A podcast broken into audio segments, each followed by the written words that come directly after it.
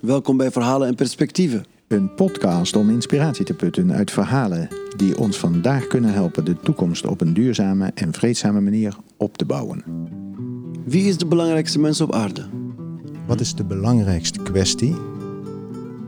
En wat is het beste moment om te handelen? Deze vragen die zijn vandaag gesteld in het verhaal van Mark. Dag Aladdin. Dag Mark, hoe gaat het? Goed. Fijn. Ja, ik bedacht me wel, we zitten weer in het WTC in Almere. En dat is ook wel een luxe, dacht ik na de eerste keer, eh, de vorige keer. Zo'n mooie apparatuur. Eh, dat gaat al heel snel eh, wennen. Ja, Heb jij dat niet? Dat je denkt van nou, dit willen we wel zo behouden. In zo'n studio. ehm, goed punt. Je hebt gelijk. Ik denk dat... de, We hoeven, er, da- we hoeven ja. er niet te lang bij stil te staan. Nee, nee, nee. Het- het, Je hebt gelijk. Je hebt gelijk. ik heb een verhaal meegebracht. Ben Had je, benieuwd. had je gevraagd ook. Hè? Het is jouw beurt. Ja. Ik heb eigenlijk twee verhalen. En dan kunnen we kijken of we aan het tweede ook nog toekomen. Zou ik ook leuk vinden. Is goed. Eerst is meer een, eh, wat, wat algemener verhaal. Het tweede is wat pedagogischer, zou je kunnen zeggen. Oké. Ja? Ja. Ben je benieuwd? Ik ben heel erg benieuwd. Ja, dat, dat eerste verhaal heeft ook nog wel een paar elementen die je terug zou kunnen eh, herleiden naar het sprookje van Sneeuwwitje. Oké. Maar het is een heel ander verhaal hoor. En, eh, eh, het gaat over een koning. Er was een koning. Er was eens een koning. Zo beginnen heel veel sprookjes. Hè? Mhm. Er was eens. Ja. Was eens. En die koning die stelde zich elke dag drie vragen. Drie vragen. Wie is de belangrijkste mens op aarde? Wat is de belangrijkste kwestie? En wat is het beste moment om te handelen? Wie is de belangrijkste mens op aarde? Wat is de belangrijkste kwestie? En wat is het belangrijkste moment om te handelen? Wanneer is het belangrijkste moment? Wanneer is het het juiste moment om te handelen? Ja? Om, om iets te ondernemen. Nou, dat zijn drie hele mooie vragen. Ja, hij kwam er nooit uit. En hij vroeg dat aan zijn hofhouding. En hij haalde er allerlei geleerden bij die hem die vragen zouden kunnen beantwoorden. Maar er kwam nooit een bevredigend antwoord. Laat mij eerst maar eens het hele verhaal vertellen, goed? En dan eh, besluit hij, want hij wordt daar eigenlijk een beetje neerslachtig van. En dan op een goed moment, eh, kijk, als je als koning al- alleen maar door je eigen tuin kunt wandelen, dan heb je op een gegeven moment heb je het wel gehad. Dus hij besluit om een goede avond besluit hij om het paleis te verlaten. En hij vermomt zich. En hij eh, loopt een heel eind ver weg. Een beetje eh, ver af ook. En daar staat nog een huis. En hij wordt door een oude man binnengelaten. En hij vindt daar onderdak. Krijgt nog wat te eten. En krijgt een slaapplaats. Maar in die nacht wordt hij wakker. Er is een enorm kabaal. En ineens aan de deur staat een... eh, ja, een gewonde man, bebloed. En die oude man, eh, die, ehm, die, die opent de deur en die, de, de, de gewonde man die vraagt... eh, ik word achtervolgd, kun je mij ehm, verstoppen voor een korte tijd? En die oude, en die oude man die, die twijfelt geen moment. Die zegt kom binnen, die sluit de deur, eh, opent een luik en, eh, en zegt tegen de gewonde... ga hier dan maar eh, naar binnen en hou je stil dan zal er niks gebeuren. Maar even later, dan wordt er hard op de deur gebonst. En staan er eh, eh, militairen voor de deur. En eh, ja, die vragen aan die oude man, is hier, een, eh, is hier iemand voorbijgekomen? Heb jij iemand gezien? En die oude man die zegt, niks, we hebben gewoon, ik heb gewoon geslapen, daar is, ik heb niks gezien, niks gehoord. Dus die militairen die vertrekken weer, die kijken een beetje zo naar binnen, maar die vertrekken weer. En dan bij, een paar uur later, bij het ochtendschemer, dan, dan komt de, oude, de, de gewonde man die komt eh, uit zijn verschuilplaats. Die bedankt de oude man die hem onderdak heeft gegeven. En hij verlaat het huis weer. En eh, het is alsof er niks is gebeurd. De oude man die gaat nog een paar uur slapen. En de volgende dag bij het ontbijt. Die koning die heeft geen ogen meer eh, dicht gedaan. Die vraagt aan de oude man, maar wat heb jij nou gedaan vannacht? Want je hebt jezelf enorm in gevaar gebracht. Hè? Je, als, je, als het was ontdekt, dan, eh, ja, dan, dan had jij het met je eigen leven moeten bekopen. Mhm. En dan zegt die oude man tegen die eh, koning, die vermomd is, want hij weet niet dat het de koning is, zegt eigenlijk heel rustig: Nou ja, de belangrijkste mens is de mens die voor je staat. En de belangrijkste kwestie is dat als je om hulp wordt gevraagd, dat je die hulp geeft. En het belangrijkste moment is dat je dat meteen doet, dat je dat geen seconde uitstelt. en op dat moment ja, komt, komt die koning tot, tot, een, tot een dieper inzicht, zou je kunnen zeggen. Hij dankt de oude man voor zijn uh, gastvrijheid. En keert eigenlijk met een andere gesteldheid terug naar zijn eigen paleis. En dat is het verhaal. Prachtig. Heel mooi. Ja. En misschien kan ik er iets aan toevoegen, omdat ik denk dat dit ook een praktisch verhaal is. Omdat ik denk, ehm, ik weet niet of je afgelopen woensdag op bevrijdingsdag een- een- het interview of ja, de toespraak van Angela Merkel hebt gezien. Nee. Nee, nou, dat kan. Dat was ook midden op de dag. En ze heeft daarna ook nog wat gesproken met studenten. Het ging ook kort over haar beslissing die ze heeft moeten nemen toen er ineens heel veel vluchtelingen, een aantal jaren geleden, veel vluchtelingen, dat was een, eh, aan de grens stonden. Eh, dat ging niet over een paar honderd, ook niet over een paar duizend, het ging over honderdduizenden. En ik denk, zij was, ze is dan wel, weliswaar geen koning, maar ze zit wel in de, in de hoogste macht. En ze heeft toen iets gedaan wat, eh, waar ze ook om bekritiseerd is, maar ook anderen hebben daar toch ook wel heel veel waardering voor. Is dat zij heeft dat op dat moment gezien als de. Belangrijkste. Nou, in ieder geval, dat zijn belangrijke mensen die voor haar stonden. Want ze stonden letterlijk aan de grens. Mm.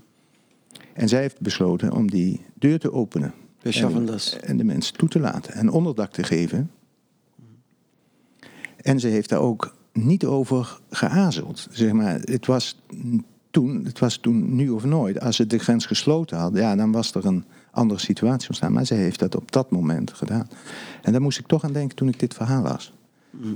Dat ik dacht, het is, eh, het is ook een heel eh, ja, actueel eh, verhaal.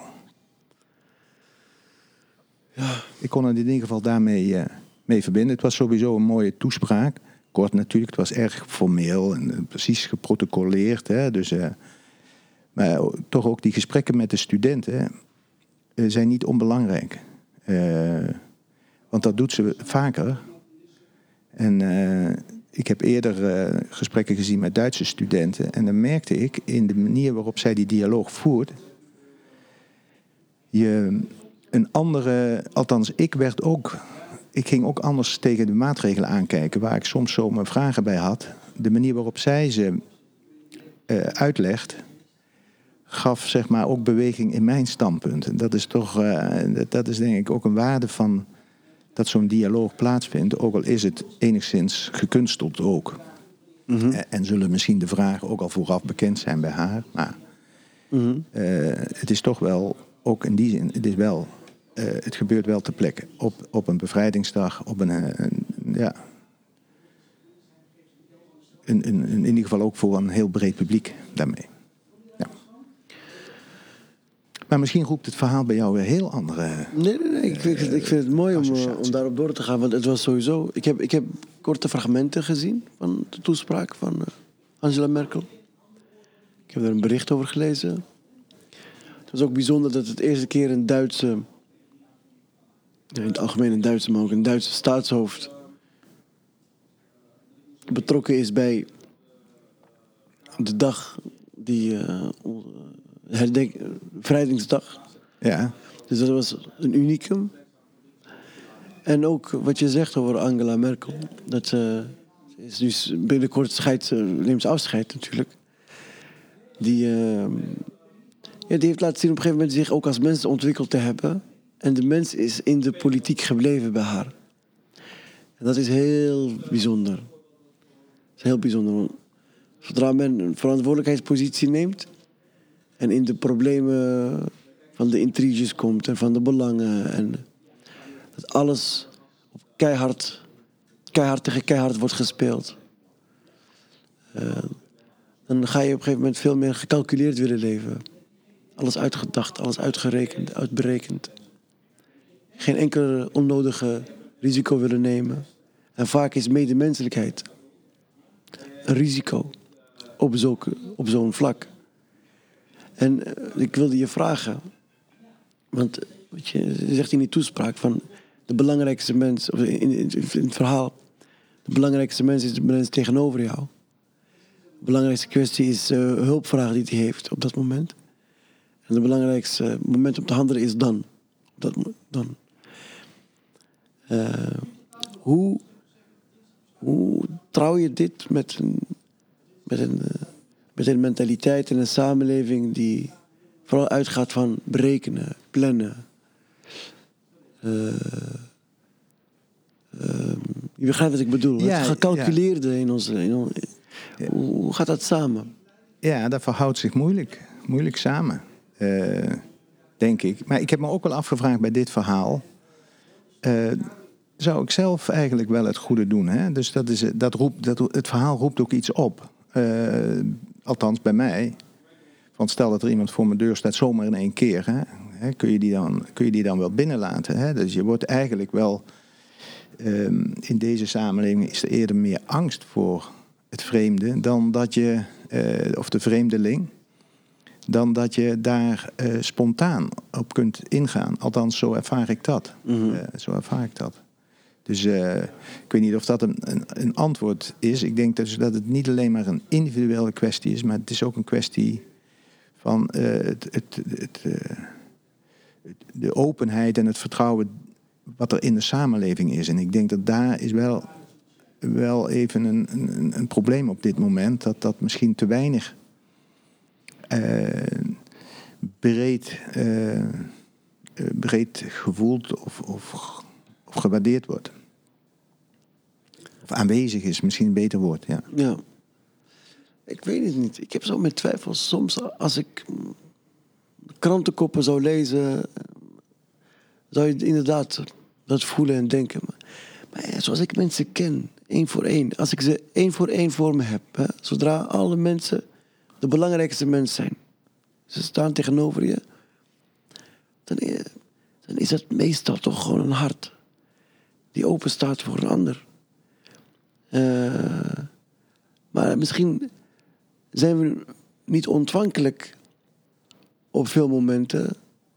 En op dat moment hebben we dan ook geen behoefte om, om ons te bekommeren om anderen. Maar zodra de mens ontvankelijk wordt, en eens gaat luisteren of gaat kijken wat is er aan de hand, dan kan die niet anders dan dat hij uh, geraakt wordt. Dat hij bewogen wordt. Dat heb ik gezien met eigen ogen bij heel veel mensen die in het begin heel vijandig staan tegenover jou of heel vijandig staan tegenover iets. Maar het is puur. Ja, onbekend maakt onbemind. Ja, ja, maar voor een deel is het ook zo dat wij leven allemaal zo in onze eigen bubbel. Bubbel, in een, in een eigen uh, omgeving. Dat zeg maar, de vluchtelingen, dat is iets ver weg aan de grens. Uh, dat speelt zich af op de Middellandse Zee of op de Balkan. En uh, komen niet direct bij mij binnen, hè, bij mij in de deur. Ja. dus daar zit ook een, een, een, zekere afstand die het voor mij makkelijk maakt om wel te zeggen van nou, ik, ik ze zijn welkom. Maar het is nog niet direct welkom in mijn eigen huis. Zeg maar. dat, dat, dat, die, die afstand zit er ook. Ja. ja. Het is ook een kwestie van. Want je zei ook de belangrijkste kwestie. Ja. De kwestie is de hulpvraag. Uh, die hulpvraag vraagt ook wat van ons. Uh, kijk, soms is een hulpvraag. kost niet veel moeite. Er is een tijd. Of eventjes uh, een luisterend oor.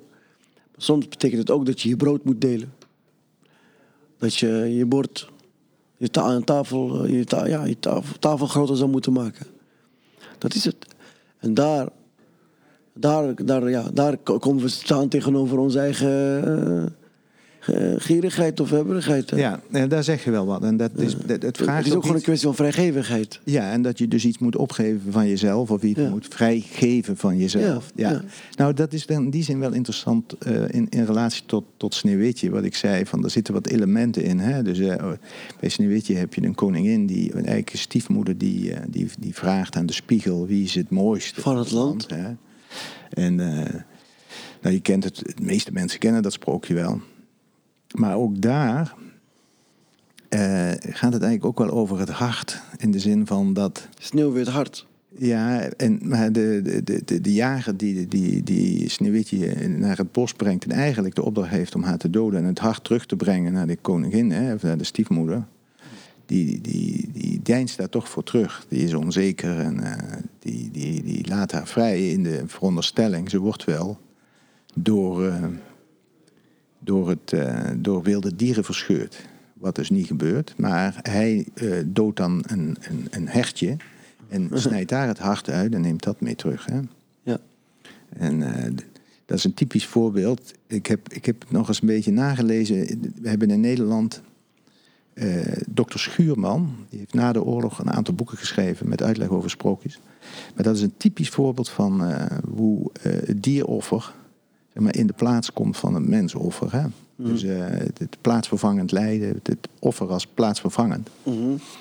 En ik heb wel het gevoel met als we het dan hebben over vreemdelingen. En ja. wat jij net zei, vrijgevigheid, of dat er een, een zeker offer van jezelf vraagt, een, een, een hulp geven, dat dat, nog steeds, dat, dat sterker terugkomt.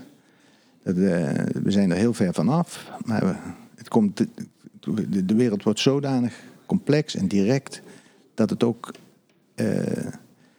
ja, in je eigen huis binnenkomt. Mm -hmm. Dus dat, dat, dat, gevoel heb ik wel. Dat, dat dit sprookje mij daartoe weer op het idee, of ja, die gedachte heeft wakker gemaakt. Je hebt ook een pedagogisch verhaal. Wil je dat al horen? Als je wilt. Nou, misschien is het dan wel goed om te introduceren dat ik beide verhalen uit een boekje heb van een, een, een, een professor, een vrouw in Peking. Mm -hmm. Yudan heet ze. En uh, het gekke is, die sprookjes heeft ze niet uit de eigen cultuur, maar uit uh, van het internet. Uh, uit de, komen meer uit de westerse cultuur. Vond ik, vond ik heel wonderlijk dat ze probeert een Oosterse wijsheid te illustreren met westerse voorbeelden. Een tweede voorbeeld mm. is een typisch pedagogisch verhaaltje. En het gaat over een jongen. En die is uh, sneldriftig en Mhm. nogal koppig. Nou, sommige ouders zullen dat herkennen. Hè? Sommige kinderen zijn heel rustig en timide zelfs. En anderen die kunnen bij het minste of geringste kunnen die uh, boos worden. Nou, zo is dit jongetje. Die wordt snel boos en dan, ja, dan gooit hij met van alles. Of dan schopt hij en dan, uh, ja, dan doet hij ook andere pijn. Een broertje of zusje of maakt iets stuk. En nou ja, de ouders die hebben dat toch wel, die zijn een beetje ten einde raad. Wat moeten we nou? Hè? Nou, dat is nou typisch een pedagogisch probleem. Mm -hmm. En dan zegt die vader op een gegeven moment, die stelt voor aan die jongen, jongen, als je nou boos wordt en je hebt het, dat weet je meestal wel, of korte tijd daarna dat je boos bent. Als je net boos bent, dan weet je het vaak niet, dan ben je gewoon boos. Maar dan heb ik hier een, een, een, een bus met allemaal spijkers en een hamer. Je loopt naar ons houten hek daarachter in de tuin. En elke keer als je boos wordt, dan sla je een spijker in dat hek. Mm -hmm. En die jongen die gaat ermee akkoord. En uh, nou ja, die eerste dag best wel veel spijkers al uh, meteen verbruikt. Maar na een verloop van tijd zie je gewoon dat hele hek. Dat heeft hij toch al behoorlijk wat spijkers ingejast. En uh, dan neemt zijn vader hem mee en, en dan zegt hij: Ja, hoe, kijk je daar nou naar, hè, naar dat hek met al die het zijn er best veel, zegt die jongen. Ja, ja. ja. En zou je, dat, zou je dat ook zou je er minder willen uh, inslaan? Hè? Ja, ja, zei die jongen, ja, dat wil ik ergens wel. Maar nou, als je nou. Je blijft elke keer als je boos wordt een spijker in het hek slaan. Maar zegt stelt die vader voor, als je nou een dag niet boos bent geworden, dan heb je hier een nijptang en mag je een spijker uithalen. En het aardige is, die jongen in eerste instantie slaat hij er nog ietsje meer in dan hij eruit haalt. Maar na verloop van tijd is het steeds vaker zo dat hij een dag zonder echt boos geworden te zijn weer een spijker eruit haalt. Er is steeds, steeds minder spijkers in het hek, tot er op een gegeven moment eigenlijk geen spijkers meer in het hek zitten. Mm -hmm. En de jongen en die vader die gaan weer samen zitten. En, en, en die vader vraagt, wat zie je nou? Ja, ik zie dat er geen spijkers meer in zitten, maar er zitten nog wel gaten in het hek. Mm -hmm. Van al die spijkers die ik erin heb geslagen. En dan, dan, dan komt er eigenlijk een soort van lesje van de vader. Die vader die zegt, ja, elke keer als je iemand anders iets aandoet, dan, ehm, ja, dan sla je ergens een stukje eh, in zijn hart, zeg maar. Ehm, eh, en, en als je die spijker eruit haalt, dat is eigenlijk een soort, ja, dan, heb je, dan, dan realiseer je dat je er spijt van hebt. Eh, maar je kunt het ook weer niet meer ongedaan maken. Want het is, het is er ook ingeslagen. Mhm. En, eh, dus als je je beheerst of kunt beheersen, dan heeft dat ook, ook voordelen. Namelijk dat je het niet, en dat is nou typisch die Oosterse wijze, dat je iemand iets niet aandoet, eh, ook al heb je die impuls, maar dat je die beheersing hebt. En dat is dan eigenlijk de les van, eh, die die jongen leert, dat de, de, de spijt goed is, daarmee breng je iets in het reinen. Maar beheersing nog, ook nog iets heeft van dat je iets voorkomt. Dat je het, eh, het, het, wat je een ander aandoet eigenlijk niet aandoet. Ook al heb je die impuls. Mhm. Nou, dit is een... eh, Heel mooi verhaal. Vond ik ook. En ik, ik wil er ook wel als eerste weer even een, reflectie bij geven. Dan Graag. Dat jij de gelegenheid weer hebt. Maar wat ik hier heel mooi aan vind, en, en dat is denk ik in de kern bijna van alle pedagogische verhalen, dat, dat het niet te kopiëren is. Dus als ik of jij dat morgen gaan doen, dan heeft het waarschijnlijk niet diezelfde werking. Ik denk aan dat deze, deze vader heeft het zelf bedacht. Die heeft iets bedacht. En dan werkt dat bij dit kind. Mhm. En dat is volgens mij in de kern waar pedagogiek over gaat. Mhm. Dat je altijd in de context iets moet vinden wat, wat werkt. En het kan best zo zijn dat je daar even naar moet zoeken. Wat volgens mij vaak niet werkt, is als je het heel methodisch doet. Dus dat je denkt van, nou ja, een kind wordt koppig. Ik moet, eh, ik moet dat doen, of ik moet dat doen, of ik moet dat en dat en dat. Dat dat gewoon, dat kan wel even helpen, maar dat het geen... Dat maakt deze jongen niet eh, bewust, per se. Dus deze vader heeft in de relatie iets proberen te ontdekken. En, en, en ze eigenlijk samen met zijn kind iets proberen te, te ontdekken wat voor het kind zou kunnen werken. Mhm. En eh, nou, daarom vond ik dit een, eh, een heel mooi verhaaltje. Ik vind het ook een heel mooi verhaal. Ehm, heel leerzaam. En eh, je reflectie, waarin je zegt van... ehm, de valkuil is om, zeg maar, kant-en-klare recepten te gaan gebruiken. Terwijl, zoals bij eh, duurzaam eh, voedsel, moet je het lokaal maken. Gezond voedsel, lokaal, komt uit eigen grond. Zo is het ook met... eh, met ehm, ja, met zou je het noemen, tussenkomst, interventie? Niet eens. Het is eigenlijk begeleiden, het is meedoen. Hè? Jouw licht werpen op een zaak. In, in bijzijn van een kind, in bijzijn van een medemens. En als je dat doet op basis van iets wat in de omgeving aanwezig is. Anders riskeer je, als je zegt net, dat het vooral moraliseren wordt. Hè? Kom, dan gaan we dit doen, dan gaan we even spijkers slaan in het ding. Want woede betekent spijker erin slaan en niet boos worden eruit halen. En dan wordt het vaak moraliserend. En als je juist uit de context haalt, iets prak, iets wat dichtbij is, dan raakt dat meer het bewustzijn, zoals je zegt. Ja. Ehm, Ja, ik bedenk me nu dat deze vader heeft ook nog goed eh, iets gedaan met dat... De jongen maakt dingen stuk als hij boos wordt. Als hij driftig wordt. En het slaan van een, een spijker in een, in, een, in een schutting of in een, eh, ja, in een hek, in een houten hekwerk. Daarmee geeft hij toch ook weer de mogelijkheid om die impuls te houden. Ja, toch iets van die impuls van, van iets kapot maken of iets, iets stevigs ja, doen. die kracht is er, die energie is er. Die is er dus en die energie wordt nu gekanaliseerd. Dus dat is ook een, een, een facet van dat je leren beheersen. Hè? Ja. Alleen je kunt, als je nou, een wat jij nu inderdaad zegt, als je van, van, van eh, het moraliserend optreden zegt je moet je beheersen, dan mis je eigenlijk dit hele proces. Ja, want, want uiteindelijk daar blijft de vraag: hoe eh, kan hij zich uiteindelijk beheersen? Ja, Want als die woede er is, dan is die woede daar. Daar heeft hij waarschijnlijk heeft hij ook graag anders gewild. Ja, en, en hij weet waarschijnlijk ook nog niet, en die vader ook niet, waarom die boos wordt. Want er lijkt niet altijd een aanleiding te zijn, meteen. Oh, oké, oké. Dat lijkt niet, maar, maar dat is vaak zo. Ja. Waarom word je, dat, dat, dat, dat, dat, dat, dat weet je helemaal niet altijd. Hè, het is niet dat hem nou elke keer iets wordt aangedaan. Nee, hij wordt gewoon driftig. Of bijvoorbeeld stel dat, je, dat hij iets probeert te maken en het lukt niet meteen. Het ene kind begint gewoon weer opnieuw. Andere kind wordt driftig. En die gooit zijn hele blokken omver. En die, en die schopt nog eens een keer tegen zijn, eh, Klopt. tegen zijn mooie speelgoedauto. Dat die ook kapot gaat. Dat begrijp je soms als ouder niet. Hè, dus eh, pedagogische eh, vraagstukken of opvoedingsvraagstukken, die zijn, die zijn, eh, ja, die zijn, die zijn dagelijks. Die, kijk, in die zin. Ja, ja, maar ik zou, ik zou het in eerste instantie als ouder zien. Van moment, om een voorbeeld te geven. Mijn, kind bijvoorbeeld, die heeft een, ge- een ingewikkeld temperament, om het zo te zeggen. Heel gevoel. Maar hij zegt, hij, dat betekent gewoon dat hij heel gevoelig is. Dat hij heel snel geraakt is. En zijn gevoeligheid, dat is een, dat is een gave die hij heeft. Maar die gave is nog een domme kracht. Dus die, doet, die kan, doet hem vaak meer schade aan. dan dat het hem nut oplevert. En doet zijn omgeving meer schade aan. dan zijn omgeving nut oplevert. En dat is een gave die hij heeft. Want hij is maar van baby af aan of heel jongs af aan. Die heel gauw geraakt wordt. Schrikt, boos wordt, woede.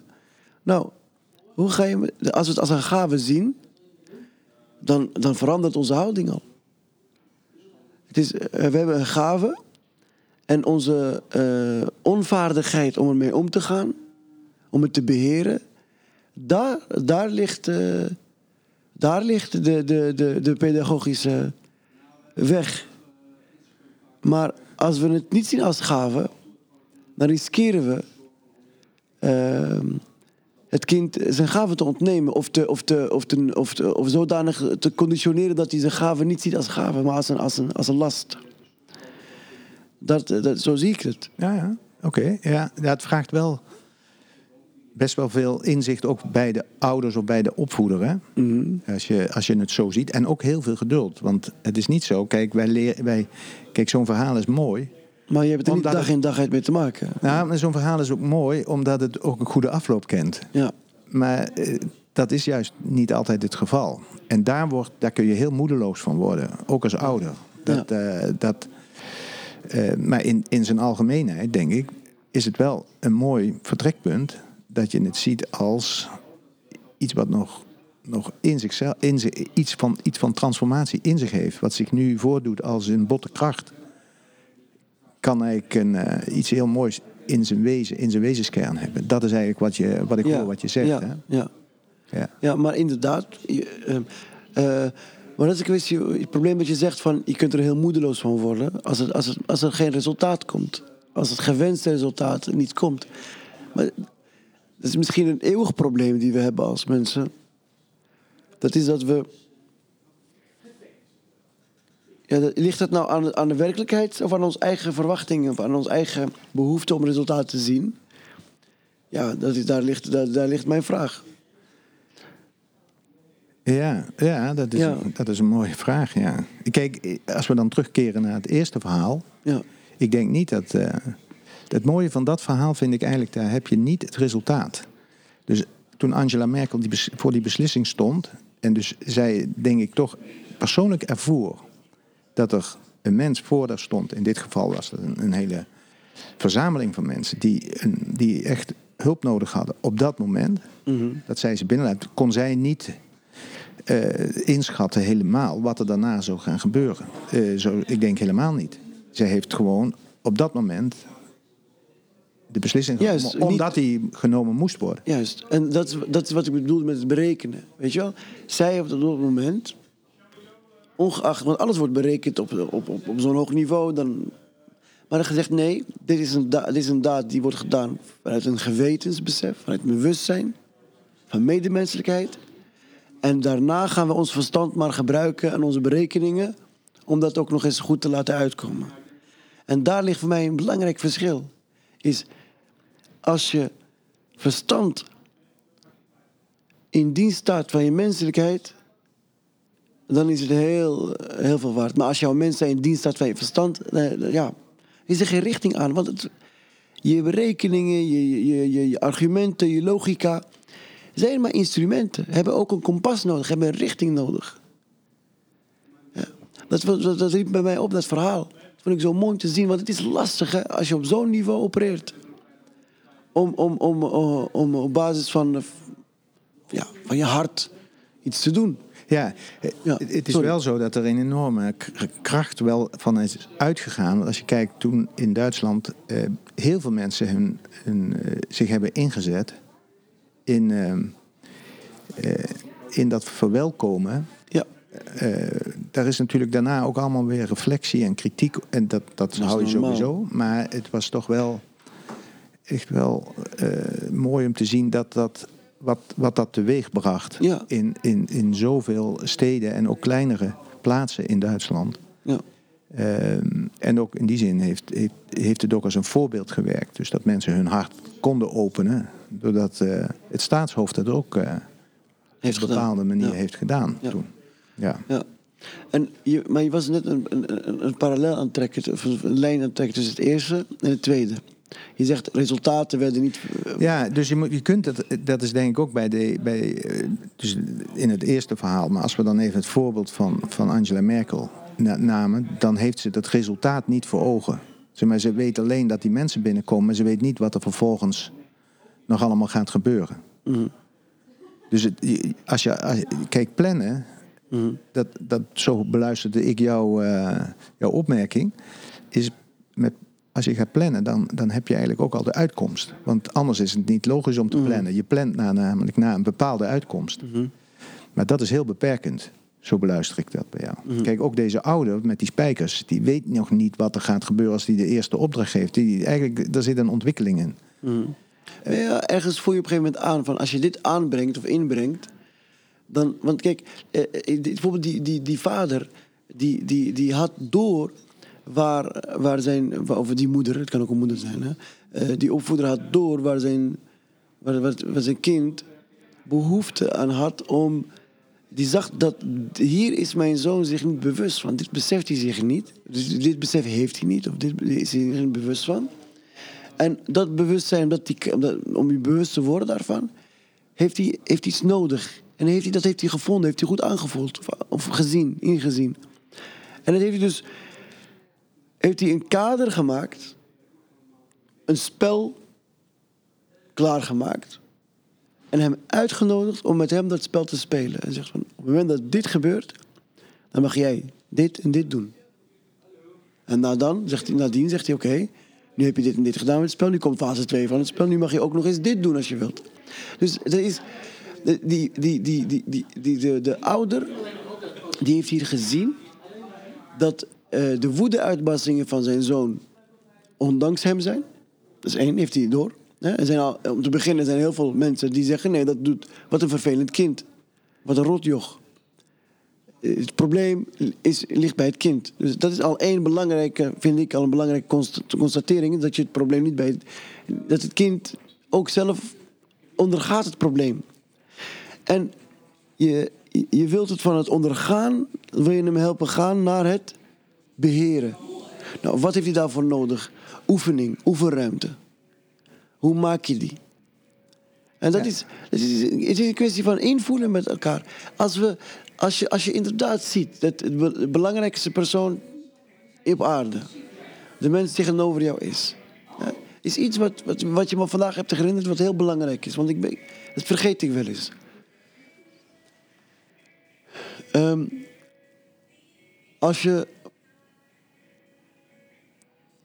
als je dat zo ziet, ik denk dat je dan veel helderder staat tegenover de persoon tegenover jou. Veel aanweziger, veel dichterbij. En dat in die houding de mooiste dingen naar bo- boven kunnen komen. De meest bijzondere oplossingen. Ook tegenover ons kind, tegenover onze leerling, als je dat zo ziet. Het is lastig om dat te doen. Ja, Maar- ja en Ja. als dit, Maar in die houding bedoel ik van, zodra jij ziet dat de mens tegenover jou het belangrijkste op dat moment is, denk ik dat je op een andere manier tot dingen kan komen. Bijzondere Ja. manier. Ja. Nou, wat ik wilde toevoegen en wat ik ook als parallel zie in die beide verhalen, daar zit een zeker risico in. Die vader weet niet hoe het afloopt. Het kan best zo zijn dat die jongen nog bozer wordt, omdat hij het maar een stom spel vindt, een stom kader. Hè? Dat kan. Dus hij gaat stap voor stap, hij gaat mee in die ontwikkeling. Dat geef jij ook aan. Maar dat is ook in het eerste verhaal. Ik bedoel, de oude man eh, die, die loopt een risico. Of die zich dat nou realiseert of niet, vermoedelijk wel. Maar dat is onderdeel van het, van het spel. Onderdeel van, eh, of het spel is dan niet het goede, goede woord, maar van het gebeuren. En dat, eh, dat is, denk ik, moeten we niet onderschatten. En we moeten dan risico niet zien als een. ehm, eigenlijk het risico zien, of het risico nemen als het tegenovergestelde van plannen. Dus dat je het, het ongewisse. eh, dat je in het ongewisse durft mee te gaan. In het ongewisse durft te stappen en daar in, in blijft. eh, in blijft ja. die, dus die aandacht en dan die woorden die je net gebruikte, die passen daar allemaal in. Dat kun je eigenlijk alleen maar doen met aandacht. Anders kan het niet. Ja.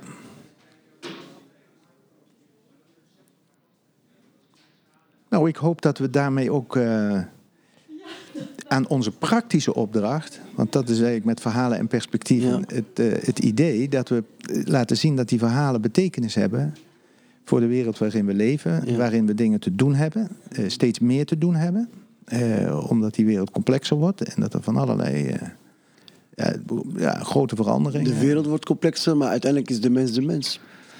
En de problemen van duizend jaar geleden, die we kenden, hebben we vandaag nog. Woede-uitbarstingen bijvoorbeeld. Ja, ja. De, de vrijgevigheid, eh, omgaan met de vreemde, ontvangen van de, van, van de, van de hulpbehoevenden. Ja. Van alle tijden. Bedankt voor deze prachtige verhalen. Echt waar. Ik persoonlijk, echt niet alleen als. eh, ja, ik sta hier ook altijd heel persoonlijk. Maar ehm, ik heb er heel veel van, van opgestoken. En, eh, het heeft me geraakt. Dankjewel.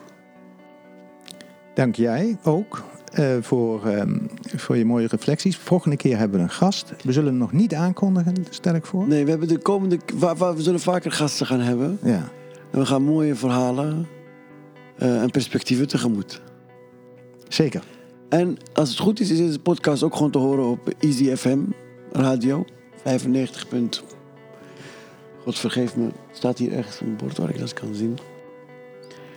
easyfm.nl. Dan eh, is ook daar te horen, maar natuurlijk ook gewoon via ons gebruikelijke podcastkanaal. En dank aan, eh aan Easy FM voor de ontvangst, voor de techniek. En dank aan Mark. Dank aan Aladdin. Tot over twee weken. Tot over twee weken.